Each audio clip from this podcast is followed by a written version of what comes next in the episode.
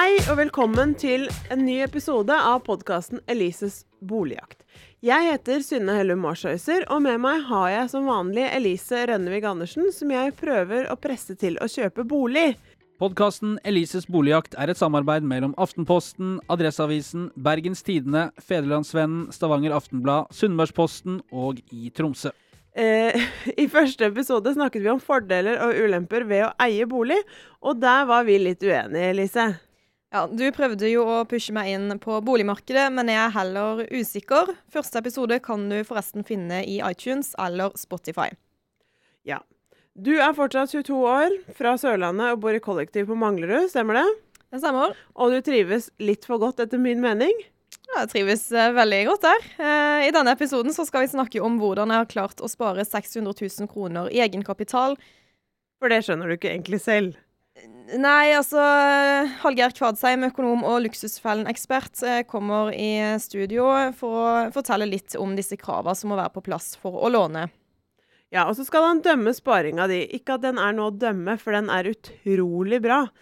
Og så kommer han med tips til hvordan man kan spare så mye penger som mulig på kortest mulig tid. Altså for de som sliter med egenkapital, rett og slett. Ja, og jeg har spart opp en del egenkapital, og det er jo et krav dersom man skal kjøpe bolig. Ja, fordi i dagens boligmarked så må du ha ganske mye penger selv. Hvis eh, boligen koster f.eks. 1 million kroner, så må du selv ha 150 000. Og de færreste boliger koster 1 million kroner. Eh, koster boligen 5 millioner, så må 750 000 av dem være dine oppsparte midler. Og resten kan du ta som lån. Samtidig så kan du ikke låne mer enn fem ganger egen inntekt. Velkommen hit, Hallgeir Kvadsheim. Takk skal du ha. Vi skal snakke litt i dag om hvordan Elise har spart 600 000 uten å ha fått det med seg selv. Hva mm. syns du om det? Ja, det er veldig godt gjort. Det er jo som regel en motsatt problemstilling vi har i Luksusfellen, altså hvor uh, klarte du å få 600 000 i gjeld uten å få det med deg. Mens eh, her er det altså snakk om 600 000 i spart egenkapital uten å ha fått det med seg. Og det er godt gjort. Det er vel det en kaller et luksusproblem. Ja.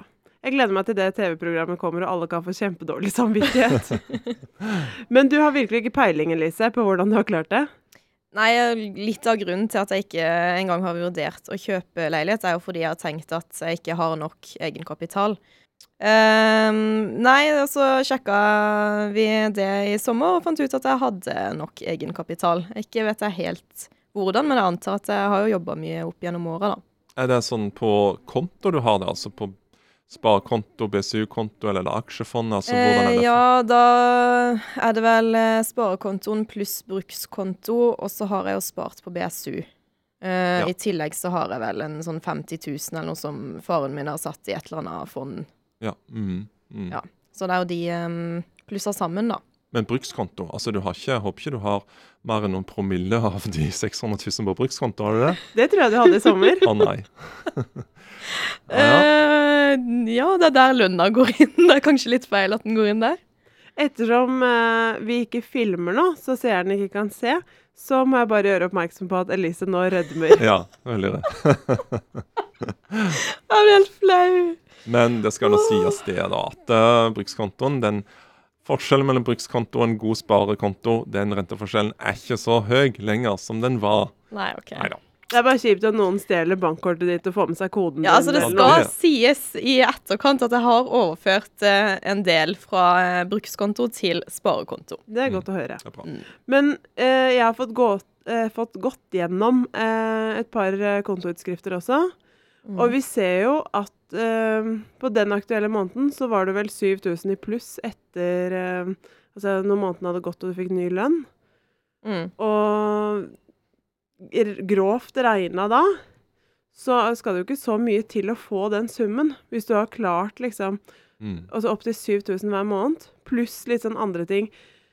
Kanskje du har fått noe bursdagspenger, eh, penger til jul. Og så har jeg bodd deler hjemme også i løpet av de åra, da.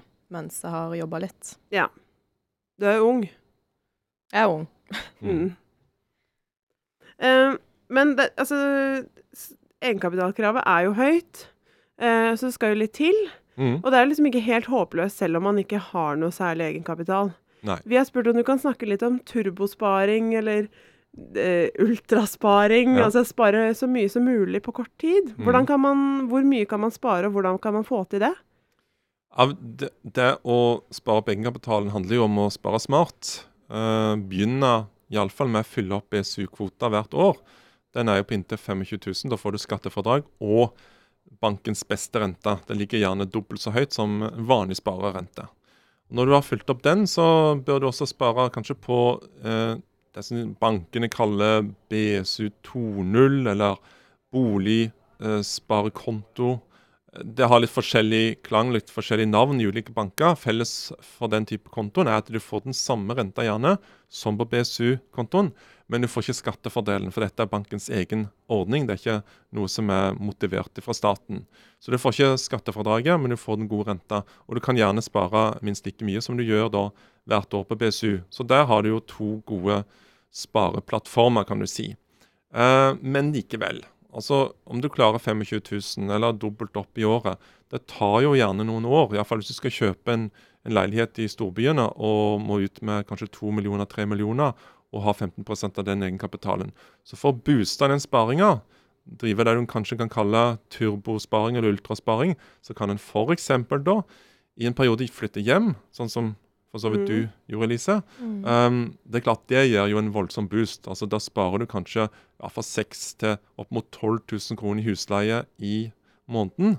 Uh, med mindre du er nødt til å betale noe hos mor og far. Det mm, vil jo Det tenke til mange gjør. ja, altså, da kan man jo eventuelt lage en avtale òg om at eh, foreldre setter av altså, en mulig husleie og sparer det for deg. Helt riktig. Det har jeg Altså, hørt om det- noen som har, uh, har gjort. Det kan være fornuftig. Hvis ikke så kan det også være at de pengene som du sparer, bare går uh, til andre ting. Men ikke sant, altså sparer du, får du på den måten spart 10 000 i, i måneden, så er det 120 000 i løpet av uh, bare et år. Og Da begynner vi å snakke om egenkapital på ganske kort tid. Ja. Altså, for boligprisene går jo veldig fort. Så, så det er nesten Du må nesten spare mye for å rekke kappløpet. Ja, det har iallfall vært sånn til nå at uh, det å stå på perrongen og holde på å spare, har ført nesten til at folk har mista toget. Eh, for selv om du sparte hvert år økte egenkapitalen, så var det likevel for lite. Fordi at boligprisene steg enda mer. Så du, du klarte ikke egenkapitalkravet.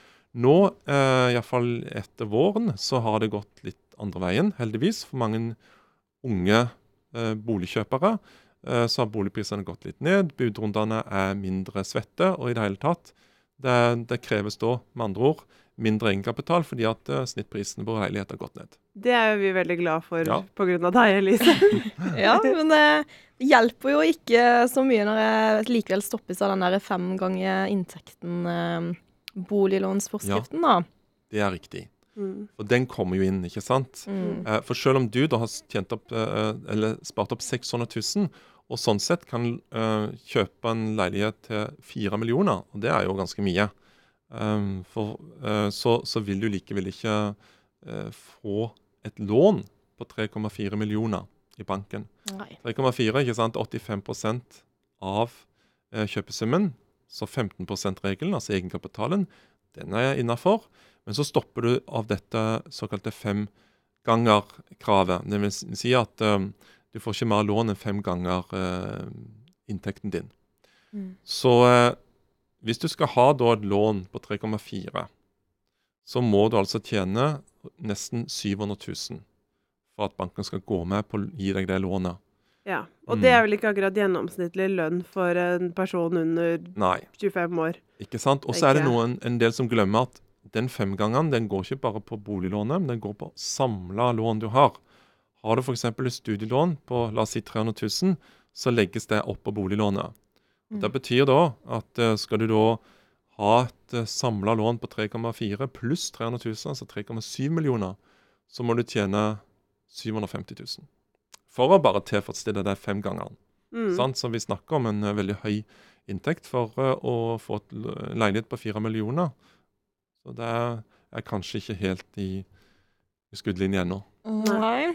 Er det andre måter man kan Altså, eh, man kan flytte hjem.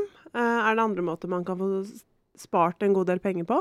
Ja, jeg vil jo påstå at når det er snakk om for et kortere tidsrom, altså ett til to år, for å booste sparinga di kraftig, så vil de fleste også kunne gå ned ganske godt på forbruket sitt i en periode. Rett og slett fordi at du vet at dette er midlertidig. Det er kanskje ett til to år. Selv om en allerede har et ja, nokså uh, normalt uh, Eller van, altså vanlig forbruk, der en ikke kan gå bananas, men et har et vanlig forbruk, så, så vil en kunne stramme inn kanskje 25-30% bare på det.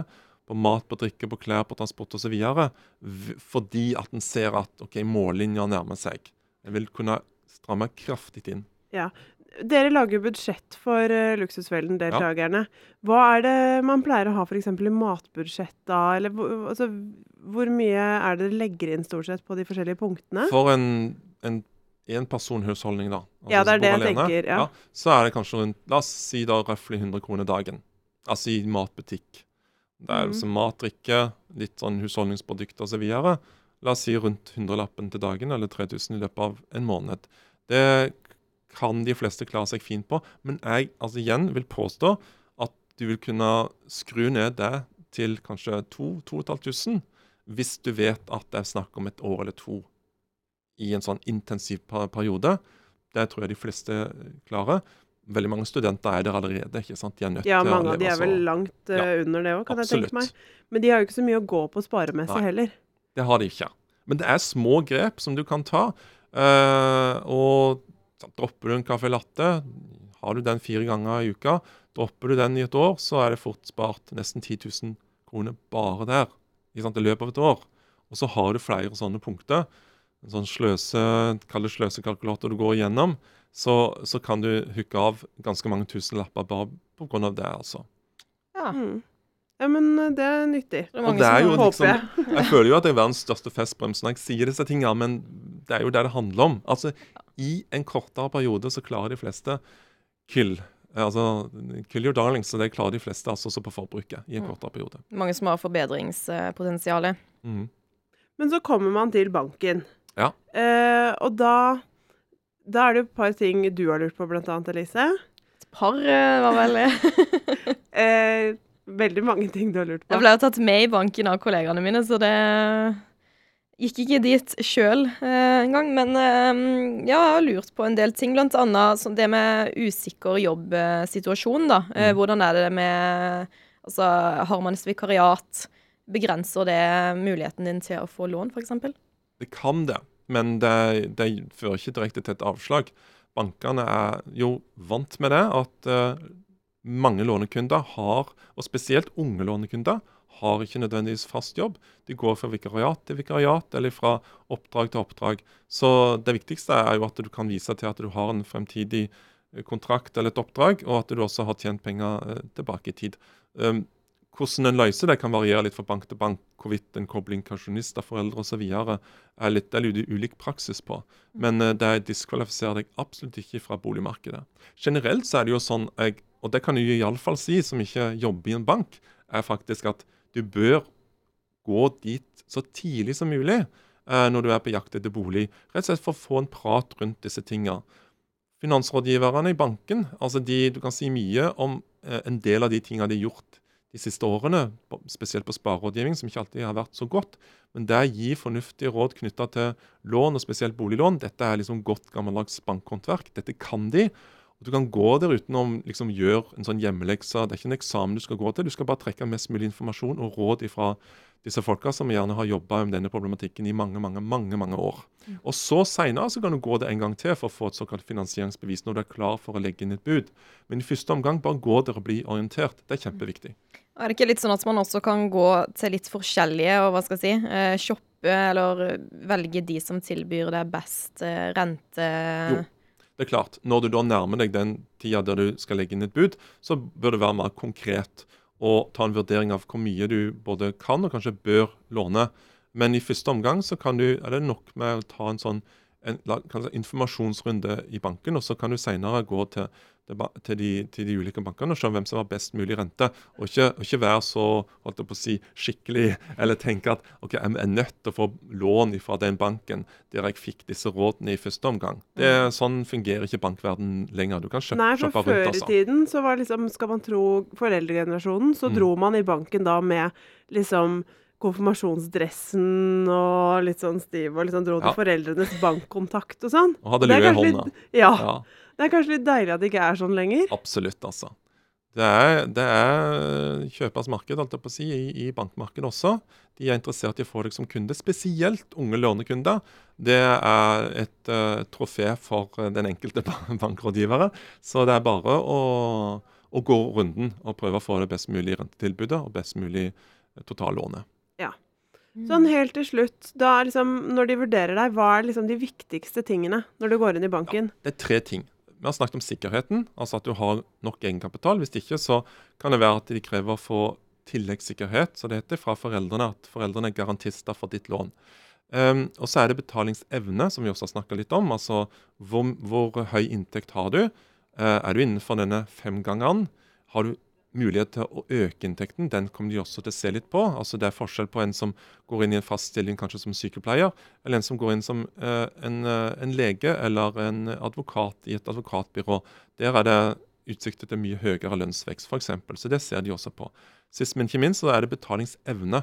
Nei, unnskyld, vilje. Fordi at uansett hvor god evne du har, uansett hvor god sikkerhet du har, hvis du ikke gidder betale eh, terminbeløpet til banken hver måned, så, så er det nei, nei fra banken. Har du f.eks. en betalingsanmerkning, som er kan du si, et sånn prikk på et, ditt økonomiske rulleblad som følge av at du har hatt en inkassosak som har gått veldig lenge, så får du ikke lån i utgangspunktet uansett.